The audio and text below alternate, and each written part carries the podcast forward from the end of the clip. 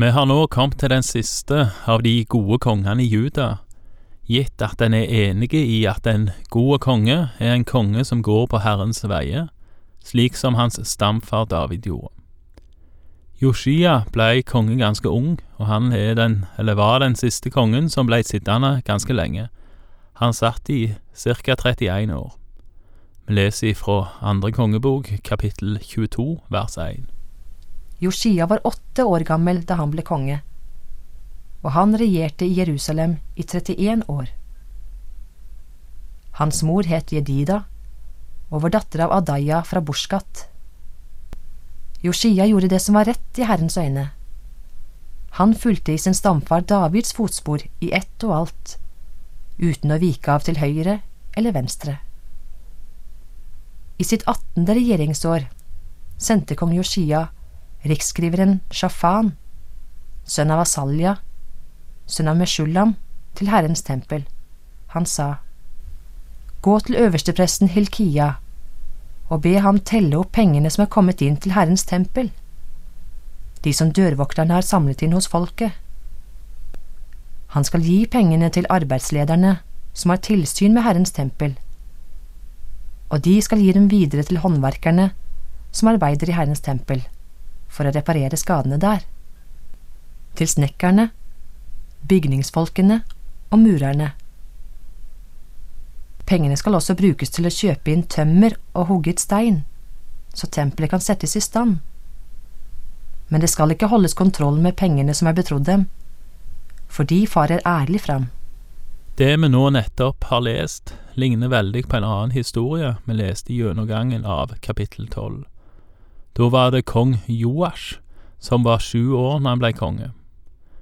Joash han hadde hjelp av presten Jojada, og kong Joash og Jojada hadde litt av det samme prosjektet som vi leste kong Joshia og presten Hilkia her har, nemlig å sette i stand tempelet igjen. Denne presten, eller øverstepresten Hilkia, kan være verdt å merke seg.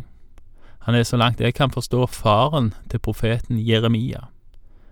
Hvis vi leser de første tre versene i Jeremia sitt første kapittel, så står det der ord av Jeremia, sønn av Hilkia, en av prestene i Anatot i Benjaminlandet. Herrens ord kom til ham i de dager da Joshia, sønn av Amon, var konge i Juda, i det trettende regjeringsåret hans, og i de dager da Jojaking, sønn av Joshia, var konge i Juda, helt til slutten av det ellevte året da Sidkia, sønn av Joshia, var konge i Juda da Jerusalem ble ført i eksil i den femte måneden. Så øverstepresten, Hilkia, er nok den samme som Jeremia her henviser til som sin far. Og Det er vel òg grunn til å tro at Jeremia, altså profeten, òg er forfatteren av kongebøkene. Jeremia blir uansett regnet for å være en av de store profetene, på lik linje med Jesaja og Esekiel, og eventuelt Daniel.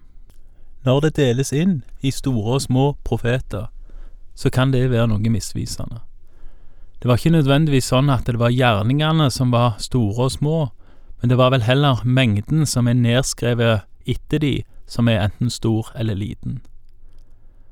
Og leser en om Herren, som er en helt, i Sefania 3 vers 17, en helt som frelse, så kan vel dette ene flotte verset fra en av de såkalt små profetene stå som bevis på at mengden nedtegna materiale i seg sjøl ikke avgjør hvem som er stor eller liten.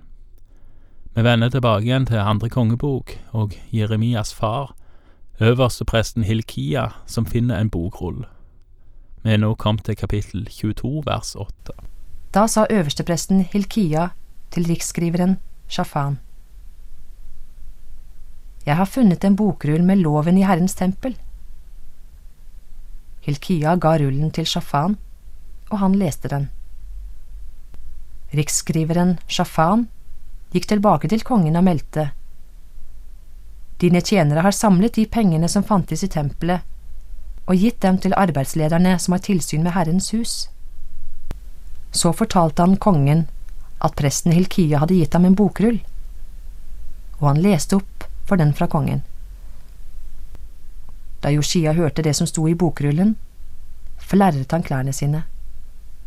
Så ga han denne befalingen til presten Hilkia og til Ahikam, sønn av Shafan, Akbor, sønn av Mika, riksskriveren Shafan og kongsmannen Asaya.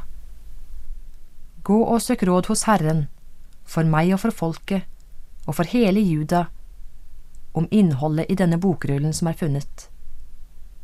For stor er Herrens harme som er flammet opp mot oss, fordi våre fedre ikke hørte på det som står i denne bokrullen, og ikke gjorde alt det som er foreskrevet oss.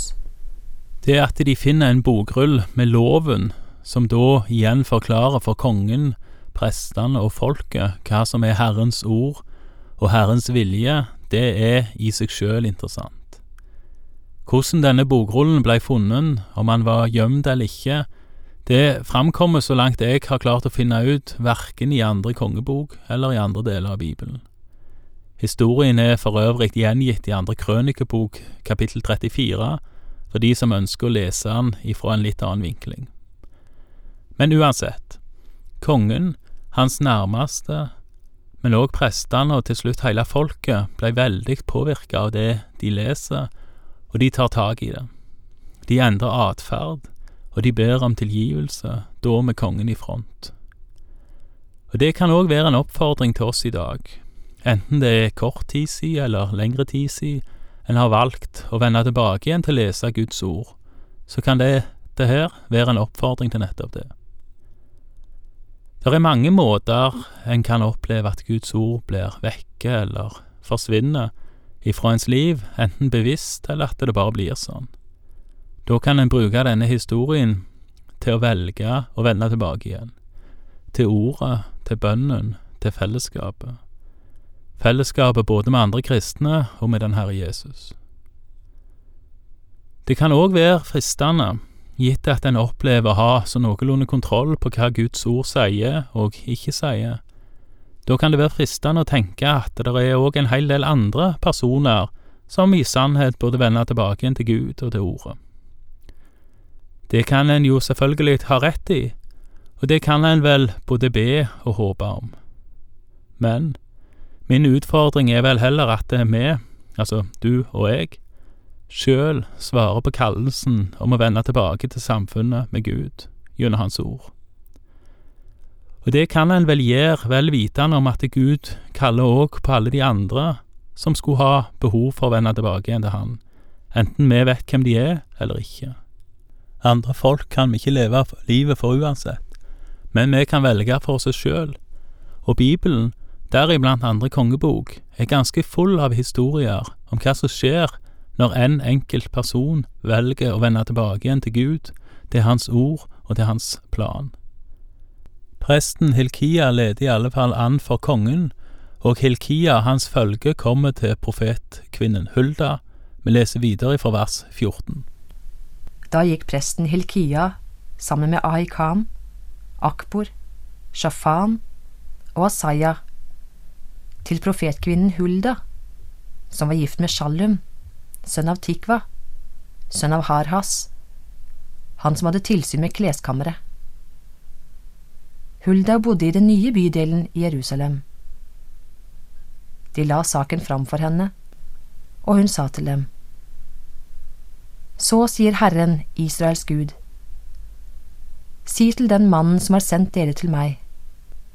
Så sier Herren, se, jeg fører ulykke over dette stedet og over dem som bor der. Alt det som er nevnt i den bokrullen judakongen har lest. For de har forlatt meg og tent offerild for andre guder. Slik har de gjort meg rasende med sine handlinger. Harmen flammer mot dette stedet, og den skal ikke slukne. Men til judakongen som sendte dere for å søke råd hos Herren, skal dere si, Så sier Herren Israels Gud, du har nå hørt disse ordene. De rørte ved ditt hjerte, og du ydmyket deg for Herrens ansikt da du hørte hva jeg talte mot dette stedet og mot dem som bor her. at de skal bli til skrekk og forbannelse. Fordi du flerret klærne dine og gråt for mitt ansikt, så har jeg nå også hørt, lyder ordet fra Herren. Derfor vil jeg la deg komme til dine fedre. I fred skal du bli forent med dem i graven. Dine øyne skal slippe å se all den ulykken jeg fører over dette stedet. Dette svaret brakte de tilbake til kongen. Profetkvinnen Hulda hadde et todelt budskap. Hun formidla at dommen over Juda står ved lag, og at den var knytta eller utløst av folket og kongenes avgudsdyrkelse. Så kan en da kanskje tenke at kongens botøvelse ikke hadde noen virkning, men det tror jeg faktisk at den hadde, for som en leser i den andre delen av det Hulda sier, så står det der at kongen skal få dø i fred, og da slippe den ulykka som kommer over stedet, altså over Jerusalem og Juda. Og en kan kanskje tenke at dette ikke var så veldig stort, men på den andre sida så virker det jo da som at dommen utsettes noe på grunn av kong Joshia sin bønn til Herren. Og som vi skal lese om i neste kapittel, så innføres en hel del reformer i tilbedelsen, reformer som får en positiv virkning for hele folket. Og Det står faktisk eksplisitt i vers 25 i kapittel 23 at det ikke fantes noen konge som søkte Herren av hele sitt hjerte, sjel og makt, verken før eller etter. Og dette setter Joshia i en særstilling, faktisk over oldefaren Hishkia, men kanskje òg over stamfaren David.